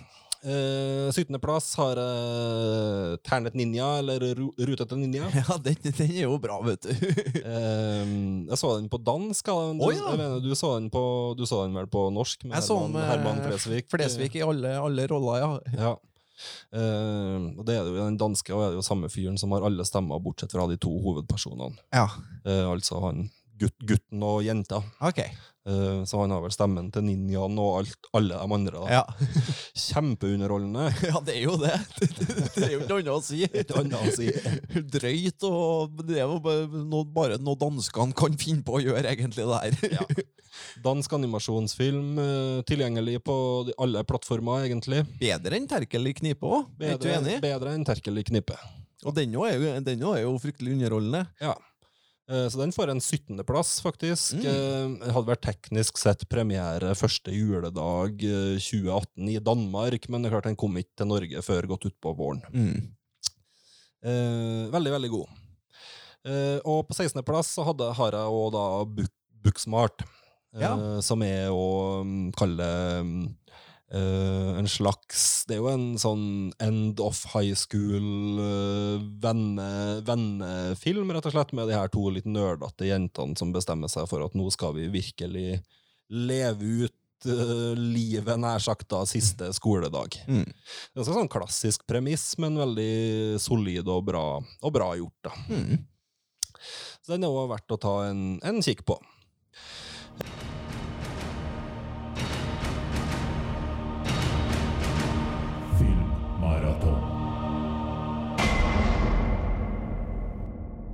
Da beveger vi oss inn på topp 15. Ja, da begynner vi å være oppå sterke femmere og seksere. Ja, da er vi virkelig inne i det, den solide delen av året som har, som har gått. Eh, 15.-plass så har jeg tatt med en god gammeldags krokodillefilm. ja, men hvor bra! Der har jeg Alexander Raja sin Crawl. ja. Eh, som er en alligatorfilm, nærmere bestemt. da. Uh, veldig, veldig effektiv uh, Monster in the House-alligatorvariant. Mm. som vi har snakka mye om på podden før. Barry Pepper. Verdt, å, verdt å ta en kikk på. Den har jo kommet på Blu-ray nå, så det ble det er ikke lenge til, til at jeg må få se den. Eh, 14.-plass har jeg Ari Aster sin 'Midtsommer'. Ja, ekkel. Det er absolutt. Eh, Jeg har ikke fått sett den sjøl ennå, men, eh, men den er jo litt i landskapet med Her Hereditary, da, vil jeg tro. Ja, det er jo rett og slett Det er jo typisk outsidere kommer inn i et lukka miljø, og det skjer fucka ting der. Ja. Um, ja. Den har noen bilder, og den har noen sekvenser, og den har en, en stemning som man kanskje ikke har sett tusen ganger før i skrekkfilm. Mm. Alt foregår midt på lyse dagen ute på landsbygda i Sverige. Ja. Så den foregår i Sverige, men er ikke en svensk film. Nei, det er en amerikansk produksjon, men den foregår i, i Sverige. Gjør den. Um, og ekkel, ekkel og skummel og har en del bilder som sitter igjen i hodet ettertid. Mm. Ikke sånn veldig langt unna å være høyere på den lista her, den heller, men en 14.-plass får være bra for uh, midtsommer. Uh, 13.-plass har jeg Dexter Fletcher sin Rocketman Ja. uh, med Taron Egerton. Uh, meget solid eh, biografi slash musikal om Elton John sitt liv. ja, for det er vel forskjellen på den i forhold til Bohemian Rhapsody, at Rocketman faktisk beveger seg sjøl i musikk. Der, der tar karakterene og bryter ut i, i sang innimellom. Ja, og det er en langt bedre film enn Bohemian Rhapsody. Ja. Som, også, som, også, som jeg for så vidt også syns var helt ok, Ja, ja, ja, men som fin, mange, mange har kritisert for å være litt tross alt en sminka versjon av livet til, Ja. til Freddie Mercury. Jeg- I forhold til den, jeg syns det er helt greit at man tar litt snarveier i forhold til at man må fortelle en historie på to timer, at man må rokke om litt på historikken og sånn for å fortelle. Det syns jeg er helt greit, men eh, de kunne nok ha gått litt lenger på den i forhold til å ikke Ja, ikke at alt er så forbanna Vis, vis litt dårligere sider av dem, så står det, seg, står det seg bedre, og det har jeg forstått at Nelton John ikke hadde noe problem med i forhold til Rocketman, og bare vis, vis hvordan rævhøl jeg var, på en måte. Ja. Og, og funk, jeg syns den er bedre. Mm. Eh, og hadde den jo lenge inne på topp ti her, men den ble jo dytta ut litt utover, utover høsten. Men klarte seg, kom i mål på en 13.-plass eh, for 20, 2019. Ja. Meget, eh, meget solid. Tolvteplass uh, har jeg Shadow, eller Ying, da, eh, som er Yimo Shang sin eh, nyeste film. Det er jo han som lagde Hero og Flygende dolker og, osv. Ja, mer kjedelige eh, filmene som kom i kjølvannet av eh, Drage, tiger, skjul, snik. Det blir ikke noe mye lekrere enn det her, da. Det blir ikke det. Men tempoet, tempoet i Shadow er heller ikke skyhøyt hele veien, så hvis du syntes eksempel Hero Ja, var litt Hero var helt forferdelig i mine øyne. Den syns du var kjedelig? Ja, ja, helt, helt Ja, jeg liker den òg veldig, veldig godt, jeg, da. Uh, og syns òg at, uh, at Shadow er, er nesten helt oppi der med, med Hero. Eh, men der Hero gjør massevis av interessante ting med farger, så er jo hele konseptet i, i Shadow eller Ying da, at den jobber med det her yin-yang, altså svart og hvit eh, og grå, grånyanser i hele, i hele uttrykket. Ja, det, det, det, kan, det høres nå kan jo være funke bedre, da. Uh, ja, du kan absolutt sjekke, sjekke den ut, men hvis du syns som jeg sier, hvis du syns tempoet i Hero var, oh, var, altså. var lavt, så, så er det ikke sikkert at den prøvde å se den to ganger og sovna begge ganger. Oi, vi er der, ja. Ja. uh, ja. Nei, den her uh, er sterk anbefaling fra min side på Jeg var jo aldri på noe glad i den. Drage, tiger, skjul, Hat- snik. Du hater hata Vi var jo på kino sammen og så den, og du, du var jo ut fra kinosalen og var strålende fornøyd, mens jeg bare var sur. Det var han Pringles-fyren, det. Ja, uff. Hele filmen klarte han å spise en uh, boks med Pringles. Tyna med tyna den utover hele filmen. Jeg ble gal. Ja. Eh, så det tyder vel på at jeg kanskje liker denne Wuxia-sjangeren bedre enn deg òg, da. Som er denne kinesiske tradisjonen i skjæringspunktet mellom historisk drama, superheltfilm og martial arts. Mm. Um, eh, som ja, er litt spesielt, selvfølgelig. Mm. Som man må kjøpe premisset eller ikke. Men, men, eh, men eh, Jimo Chang sine filmer er nok ofte litt slowere og roligere i uttrykket enn enn en del andre Ang Lee sine filmer, for eksempel, innenfor her som Men så absolutt godt produserte filmer. Det er ikke noe, noe der jeg skal, skal ta, ta noe som helst på. Altså. Det er, Nei, det er lekkert. ja. Eh, Ellevteplass, uh, Once Upon a Time in Hollywood. ja, den uh, kommer dit, ja. Ja. Ja, jeg er litt eh, sånn nå sjøl i, i romjula, eh, og jeg er ganske enig med deg, Andreas. Eh, Det er ikke Tarantino sin beste. Ble, Men heller eh, ikke hans verste. Nei, men eh, kanskje. Hvis, jeg, hvis, hvis den har ni filmer, da, så havner den kanskje på bunn fire. Eh, etter Jackie Brown, men før Django og Jeg liker jeg, jeg liker- og Hateful Eight. Jeg liker Django bedre, altså. Eh, gjorde du det? Ja, jeg syns Django er en av de sterkeste Tarantino Ja, Den har aldri vært en personlig favoritt hos Nei. meg. Eh, og jeg liker for så vidt òg Grindhouse. Uh, Ja, så- uh, mm, mm, mm, Nei, så den kommer på nedre halvdel av gjør- det- det- Tarantino sine filmer, altså. Det gjør den, men det er ikke nødvendigvis Nei, det Den er fortsatt absolutt meget, meget god, og raska jo med seg en Golden Globe Ja. her, og, og for herregud, liksom, for all, for all del. Ja da, nei, altså, jeg syns jo, herregud, tidskoloritten, kostymene og soundtracket, alt det der syns jeg var, synes jeg var knall, knall, knallbra, men um, jeg savna kanskje litt mer plott i filmen. Ja, det, det var jo litt av poenget mitt når jeg, opprinnelige anmeldelser i, i podden, var at den mangler litt for mye framdrift i Ja. første del av filmen. Altså I andre del av filmen så blir framdrifta tydeligere, og da to, syns jeg min filmopplevelse tok seg opp ganske mye. Ja. Men, eh, men for all del, et kult univers. Brad Pitt er god. Uh, Margot Robbie er god. Mm, uh, DiCaprio. DiCaprio for all del. Og, ja. Eh, så gjerne se den, altså. Men den klarer ikke topp ti her. Det gjør den ikke. Uh, Tiendeplassen går til Toy Story 4. Ja. Eh, Josh Cooley sin første feat, altså hans feature-debut som regissør, men har jo jobba innafor det her systemet i masser av år. Mm. Den jo så jeg i romjula. Den er bra, ass. Ja, det, det er den, men uh, i motsetning uh, sånn en ordentlig god animasjonsfilm skal gjøre, så skal jeg helst tørke noen tårer på slutten. Ja. Og det klarte ikke Toy Story 4, i motsetning til Toy Story 3, da. Nei.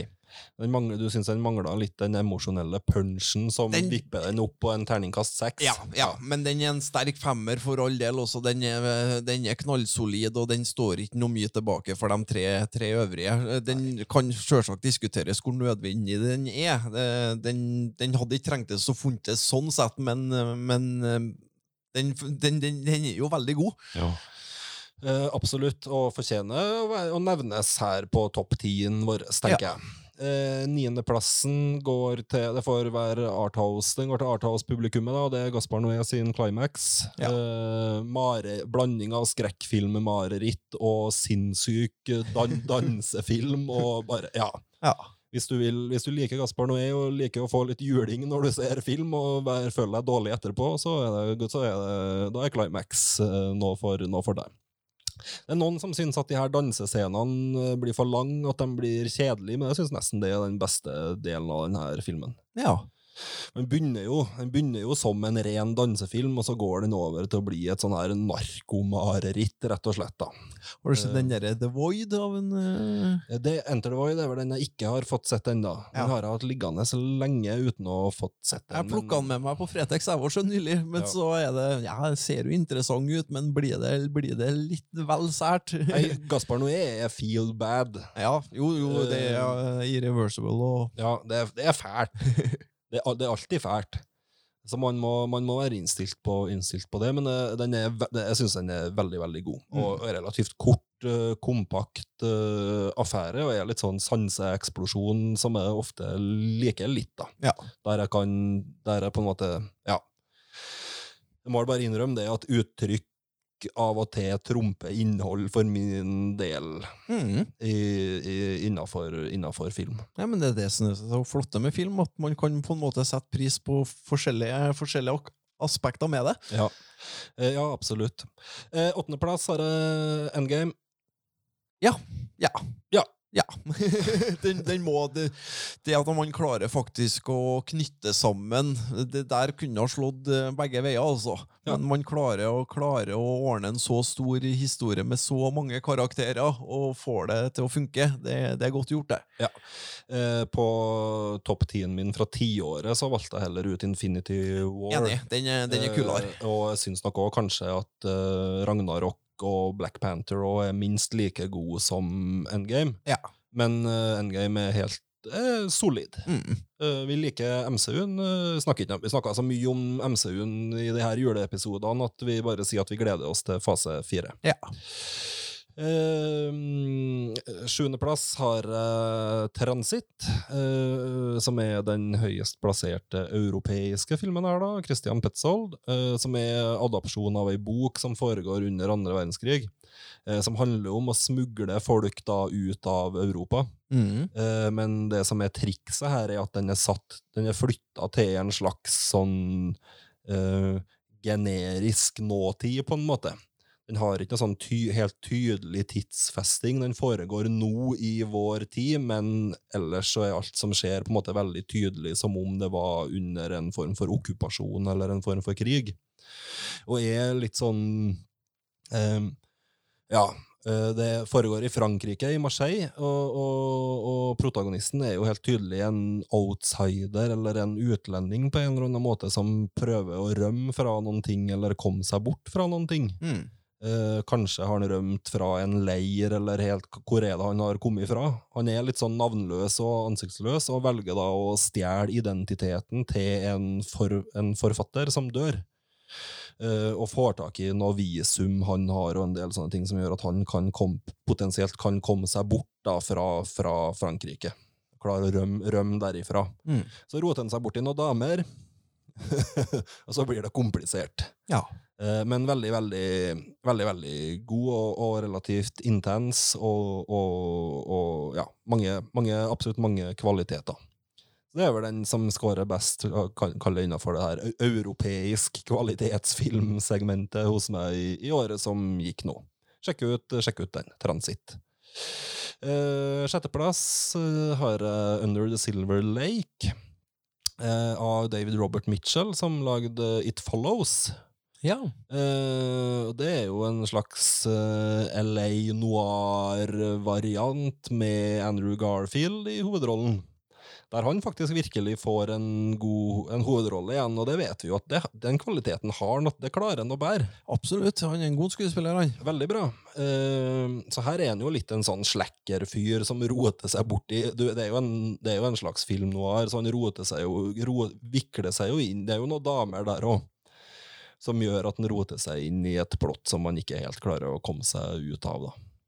Med, ja, Man skal ikke gå så veldig mer i, i detalj på den, men den er veldig Litt av grunnen til at jeg likte den, er fordi den, den er veldig sånn eh, intertekstuell, og så veldig mye sånn referanser til andre ting, og til Den har veldig mye sånn små sånn ledetråder og spor og litt sånne ting som jeg kan synes er litt artig å sitte og prøve å finne ut av. da. Ja.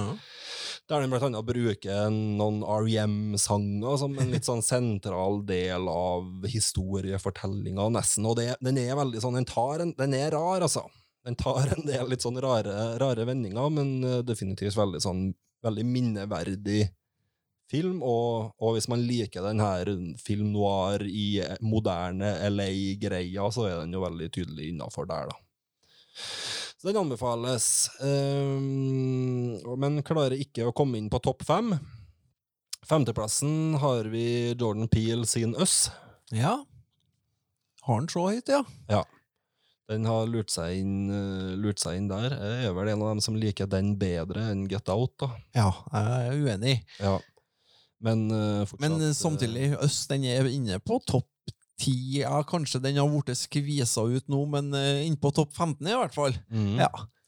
Eh, veldig, synes den er veldig god. Vi har snakka om den før òg, så vi bruker ikke noe mer tid på den. Det er vel en, av, en film mange har sett òg.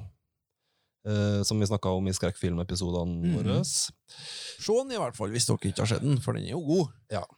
Fjerdeplass har jeg Robert Eggers sin The Lighthouse, Mm.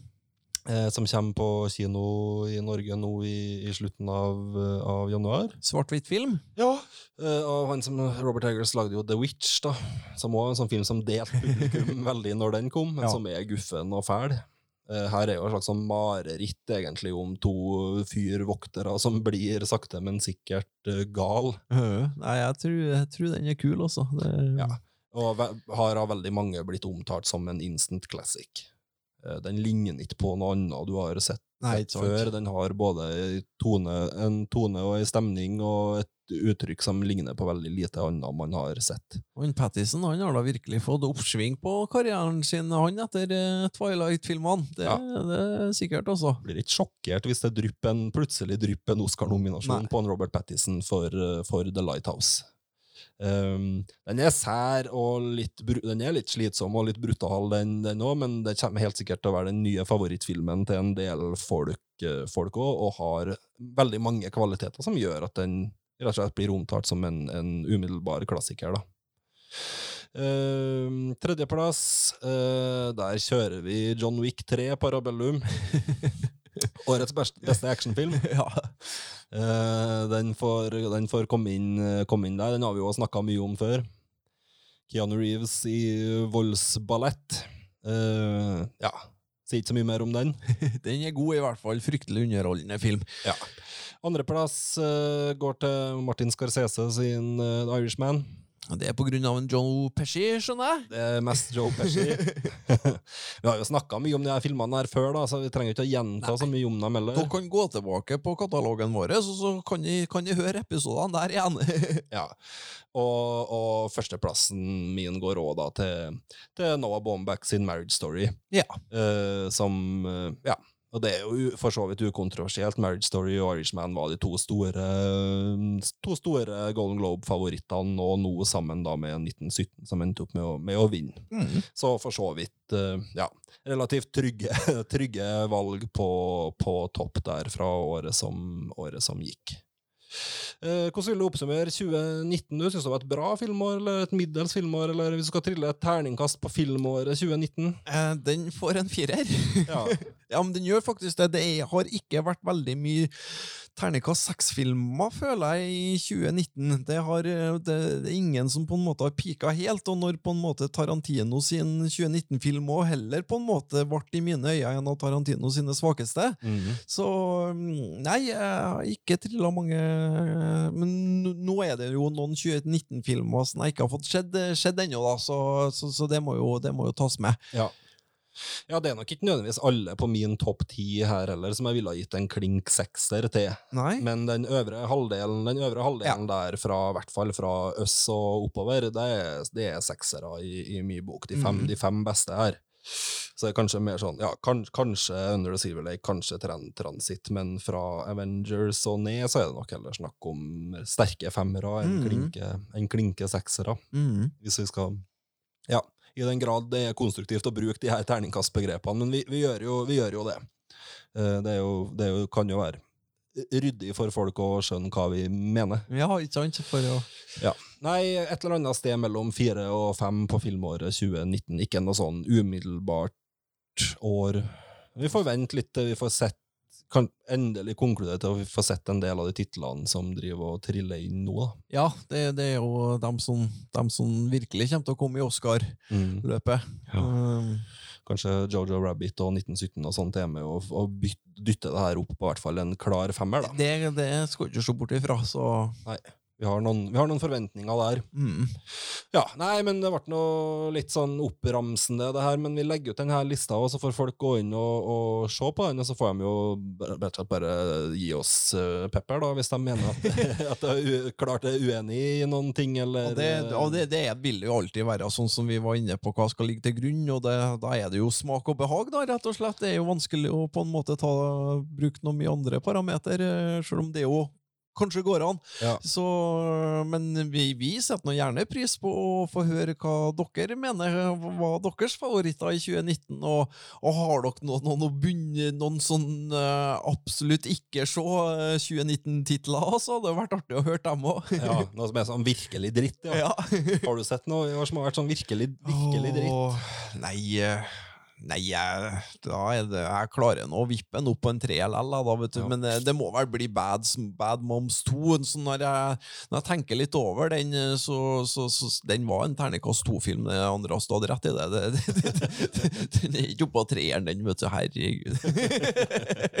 Hvordan likte du, hvordan likte du Aladdin? ja, den syns jeg var en helt fin firer, jeg. Ja, kurant, kurant firer. Ja. ja. Jeg syns Lion King var mye bedre. Jo da, Men, men, eh, men, men Aladdin skal jo ha litt kred for at den frigjør, frigjør seg i større grad fra originaltegnefilmen, da. Ja, det gjør den. På, kan, men kanskje litt på godt og vondt. ja, absolutt.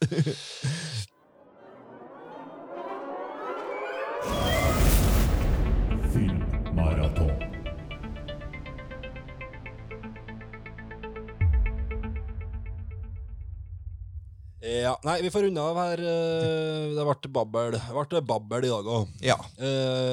har du en kultfilm til oss, eh, Stefan? ja, jeg har en kultfilm, eh, vet du, og jeg kommer jo på før jul der nå, så begynte jeg å bli litt bekymra, du, Andreas, for at de her kultfilmene jeg tok med, skulle begynne å bli bedre enn Vi hadde jo flere episoder der kultfilmen var, bedre, var bedre enn mye av de andre filmene. Ja, så det er det ingen helst fare for denne gangen, da. Nei, det er bra. Så eh, jeg har fått sett meg opp på en rettelig god, god drittfilm i jula. Og da skal vi tilbake til 1994 og uh, en film som heter for Double Dragon The Movie. ei, ei, ei, ei. Den tror jeg det er en del av dem som følger, følger VHS-spalten og kultfilmspalten og sånt. Vi har jo, vi har jo litt det er jo litt forskjellige folk som hører på også. Ja, Men det er jo mange som liker de her spaltene her litt ekstra godt. Og der tror jeg det er mange som har sett Double Dragon. Det, det tror jeg òg. Og du kan jo, du kan jo få gjette en gang hvilket et distribusjonsselskap som ga ut den på VHS i Norge. Scanbox. Det var selvfølgelig Scanbox, og ikke bare ga dem ut den, de er faktisk koprodusert, koproduserer hele filmen, så på, på, på, på, i starten her så er det faktisk produced by Scanbox, så det Men er, er det en Scanbox kinofilm, eller er det en Nei, det, I Norge kunne de ikke sette på den kinofilm. den var altfor dårlig, dessverre, til å, til å komme seg på noen kinofilm, eh, den den her Double Dragon. Men den var stor på VHS. Den kom i store kvantum og kommer på både på kjøpe og leie. leiefilm. den her Scanbox eh, kjørt på med den. Den har en IMDb-rating på 3,7, så da begynner vi å være på nivå igjen, sånn som vi skal være på den spalten her. Er. Nå, har du, nå, har du, nå treffer du bedre på, Ja. på lista. Den er jo, den er ordna i 94, og handlinga er jo da satt i 2007, i en by da som heter for New Angeles. Nei, og det, Det kan, det kan ikke bli noe mer sånn generisk framtidsnavn enn det. Vi klarte ikke å finne på noe bedre enn det. Nei, New Angeles. Og, det, og det er jo selvfølgelig da er jo selvfølgelig mm, eh, Los Angeles, da, som har, eh, har blitt ødelagt etter det store jordskjelvet. Eh, så Hollywood og alt sånt er jo borte rasert, da, men det har kommet nye, nye bydeler opp. Ja. Um, og eh, man har jo da selvsagt veldig mye sånn Mad Max-inspirerte kjøretøy og klesstiler og, og hårstiler og, og sånn der. Den Snake Plisken, kunne han ha dukka opp her. Han kunne altså absolutt ha dukka opp her, han òg. Ja. Men i motsetning til de, de filmene, så er det òg et vanlig samfunn på dagtid. Okay. Så da er det et velfungerende, vanlig samfunn når det er lyst, men så fort eh, sola går ned, da, da er det gjengene som tar over New Angeles, og da er det lovløst. Da da, da, er er det sånn- Mad Max-style også. Escape from New York. Eh. Mad Max. eh, ja. Og um, ja, jeg har kanskje ikke nevnt det ennå, men det er jo selvsagt basert på de her populære Nintendo-spillene, Ja. Double Dragon. Mm. Og vi følger da brødrene um, eh, Brødrene som heter Lee til etternavn, og de blir jo spilt av ene en Scott Wolf, fra, som vi husker kanskje fra Party of Five. Eh, ja, hvem var, hvem var han der? Ja, det, han spilte han Bailey i Party of Five, han ja. sånn eh, lillebroren som etter hvert ble litt eh, alkoholisert. ja, den mellomste broren. Mellomste broren, ja. Så han hadde, jo, han hadde jo en litt sånn filmkarriere gående sånn på midten av 90-tallet, men øh, Ja. nå har han vel bare kanskje vært med i noen TV-serier i nyere tid. Folk fra Party of Five. Ja, ja, absolutt. absolutt. New Campbell og Matthew Fox og Ja. Så Nei da. Og det, det var jo en Matthew Fox som har hatt liv i karrieren sin lengst. New Campbell har vel kommet bort litt nå. Ja, men så har jeg vel hatt noen comeback. Litt sånn, Nok, ja. nok om det. Nok om det. Men eh, Party, Party of Five gikk på TV2 på søndags eh, ettermiddagene. og så har vi han Mark Dacascos. Ja. Han husker vi jo fra John Wick 3. Yes. Så han spiller jo den andre broren, da. Og de, de har jo ei venninne som har et eh, mektig, mektig smykke på seg, og det er den Robert Patrick, som vi kjenner som T1000, som spiller skurken, skurken Koga Shoku. og han skal ha det smykket her, for da kan han jo selvsagt kontrollere verden, så her er vi god, god, god, god, god skurk også. Um, og de eh, her Cirka det nivået på plott som jeg og du kunne ha klart å dikte opp. Ja, det her. ja, det ja. minner- minner om noe som vi kunne ha lagd. minner jo faktisk om noe vi har lagd òg. Uh, og, og den her eh, brødrene Lie da, de kommer jo borti noen frihetsforkjempere som, eh, som tar over. da, Der politiet ikke tørs på kveldstid, så er det jo noen som på en måte tar loven i sine egne hender. Og det er jo Alissa Milano som spiller leder for den gjengen i blond, kortklipt, tøft hår for anledningen. Eh, Filmen har jo eh, For nå har vi kommet i 94, så de har begynt, litt, begynt å prøve seg litt på CGI her. To-tre to, år etter Terminator 2. Da. Ja. Men de har ikke helt det budsjettet som Terminator 2 hadde på den her CGI-en, så eh, i dag så er jo den her CGI-bruken eh, er jo det, ser jo helt latterlig ut, selvfølgelig.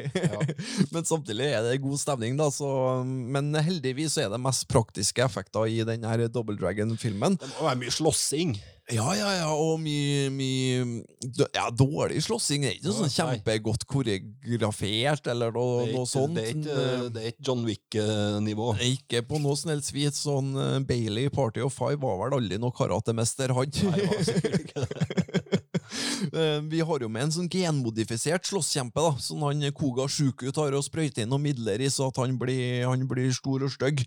Eh, filmen prøver jo mye å være en komedie òg, så manusforfatterne har jo sittet her og bakt inn masse sånn one-liners som de tror kanskje funker bra, men som selvfølgelig ikke gjør det i det hele tatt, men som eh, gjør at filmen da blir veldig underholdende å sitte og se på. For det- så det bare hagler med dårlige one- one-liners eh, hele, hele filmen gjennom. En kalkun, det her, da. Det er en kalkun, øh, men øh, artig kalkun. og i forhold til referanser til selve spillet, da, så er det ikke før de fem siste minuttene at de her brødrene får de her velkjente draktene som vi kjenner fra spillet, og at de, vi får egentlig litt sånn double dragon-feeling. da. Sånn ninjadrakter? Ja. Eller sånn Ja, ja. Eh, Som fine, fine blå, blå og rød, da, hen, hen, henholdsvis. Mm. Um, filmen den drar jo, meg, drar jo meg tankene litt opp imot en annen spill, eh, spillfilm som Mortal kom i Kombat, eller- 94. Street Fighter. Street Fighter, ja. Eh, eh, men eh, Street Fighter er, tro det eller ei, en atskillig bedre film. da, så den, den, eh, den er ikke fullt så kalkunmessig som den er- her. Ja, eh, ja. ja. Men samtidig, da, så hvor jeg kosa meg når jeg satt og så Double Dragon på nytt igjen. Ja, men altså, herregud, Street Fighter er jo severdig, men, men på ingen måte noe spesielt god film. da. Nei, og den her eh, Double Dragon er på en måte kanskje enda mer showverdig, men kanskje enda dårligere film. Perfekt i, perfekt i den spalten der, da. ja, den er det. Så Double Dragon the Movie den får faktisk en kultterningkast fem, for her er det så mye greier på gang på eh, sånn, sånn dett gjennom, men som bare øker underholdningsverdien, og ikke sant, hele det premisset med New Angeles og, og rasert den denne f- framtidsbyene og sånn. Nei, det er, det er fryktelig, fryktelig morsomt. Så få sett Double Dragon the Movie. Den eh, er gitt ut på DVD og av Scanbox, og den er mulig å finne på noe Fretex eller noe. Hvis ikke, så er den å finne på, uh, finne på tysk Blu-ray, som man ofte må, må fære til Tyskland ja, for å få, få de her filmene i kullspalten på Blu-ray. Og mange som har passert 30, de har nok et forhold til, til den, kanskje, og vært borti den Ja, ja, noe ja. Mange, mange tror jeg nok leid, eller eh, For den ble, den ble solgt veldig billig òg, den på bensinstasjoner og sånn rundt Mange omkring. som har plukka opp den her på et uh, tidspunkt. Eh, Er det, er, det, er det nok? Ja, nei, men det er bra. Da er vi tilbake. Da er kultspalten hjemme igjen. det er det. Eh, ja, nei, men eh, det ble nå nesten en og en halv time prat, det her, da. Og ble såpass, ja. Det ble det. Ja, nei, men Da er det bra at vi har eh, tatt, eh, tatt og delt oss i at vi får en episode til. Det må, det må bli sånn. Eh, så da er vi, kommer vi med en runde to. Vi, da skal vi se litt inn i fremtiden, da. Ja, se litt hva, hva er det vi har å glede oss til i 2020. Det er en god del filmtitler der, altså. Ja. Og jeg har kanskje trua på at 2020 kan bli et eh, hakket knappere bedre filmår enn 2019. Ja. Så tror jeg jo at vi skal kjøre i gang et nytt maraton nå. Ja. At vi begynner litt å se oss opp, eh, og da vil vi ha litt tips òg, gjerne på rett og slett på norsk film. Ja. Eh, de, skal vi si, Hvor langt tilbake vil du? Siste fire-fem årene? Ja, siste tre-fire Siste tre- siste tre-fire ja, årene. Men, men er det noen gode titler også, så eh, Ja. for, for all del. Ja, jeg føler jeg ramla av litt. Vi skal komme, komme litt tilbake til det i den episoden òg, men hadde, vel, hadde stålkontroll på norsk film for 15 år siden, men nå føler jeg litt mer sånn Jeg holder på å gå fra, går fra oss litt, det her. Så det må, det må vi få en, en oppdatering. Det er, vi, så vi starter, starter første maratonet på nyåret. Det blir norsk. Norsk, film. Norsk filmmaraton, Øh, og gjerne tips til selvfølgelig til glemte perler fra tidligere år òg, men kanskje først og fremst til hva er de gode filmene, eller de interessante filmene fra de siste tre-fire, Ja. fem, fem årene. Ja. Nei, men greit. eh, Da kommer vi tilbake med en ny episode om ei ukes tid, som er litt sånn 2020 frem i krystallkulen. Ja. Ja. OK, nei, men altså, ha det bra. Ha det!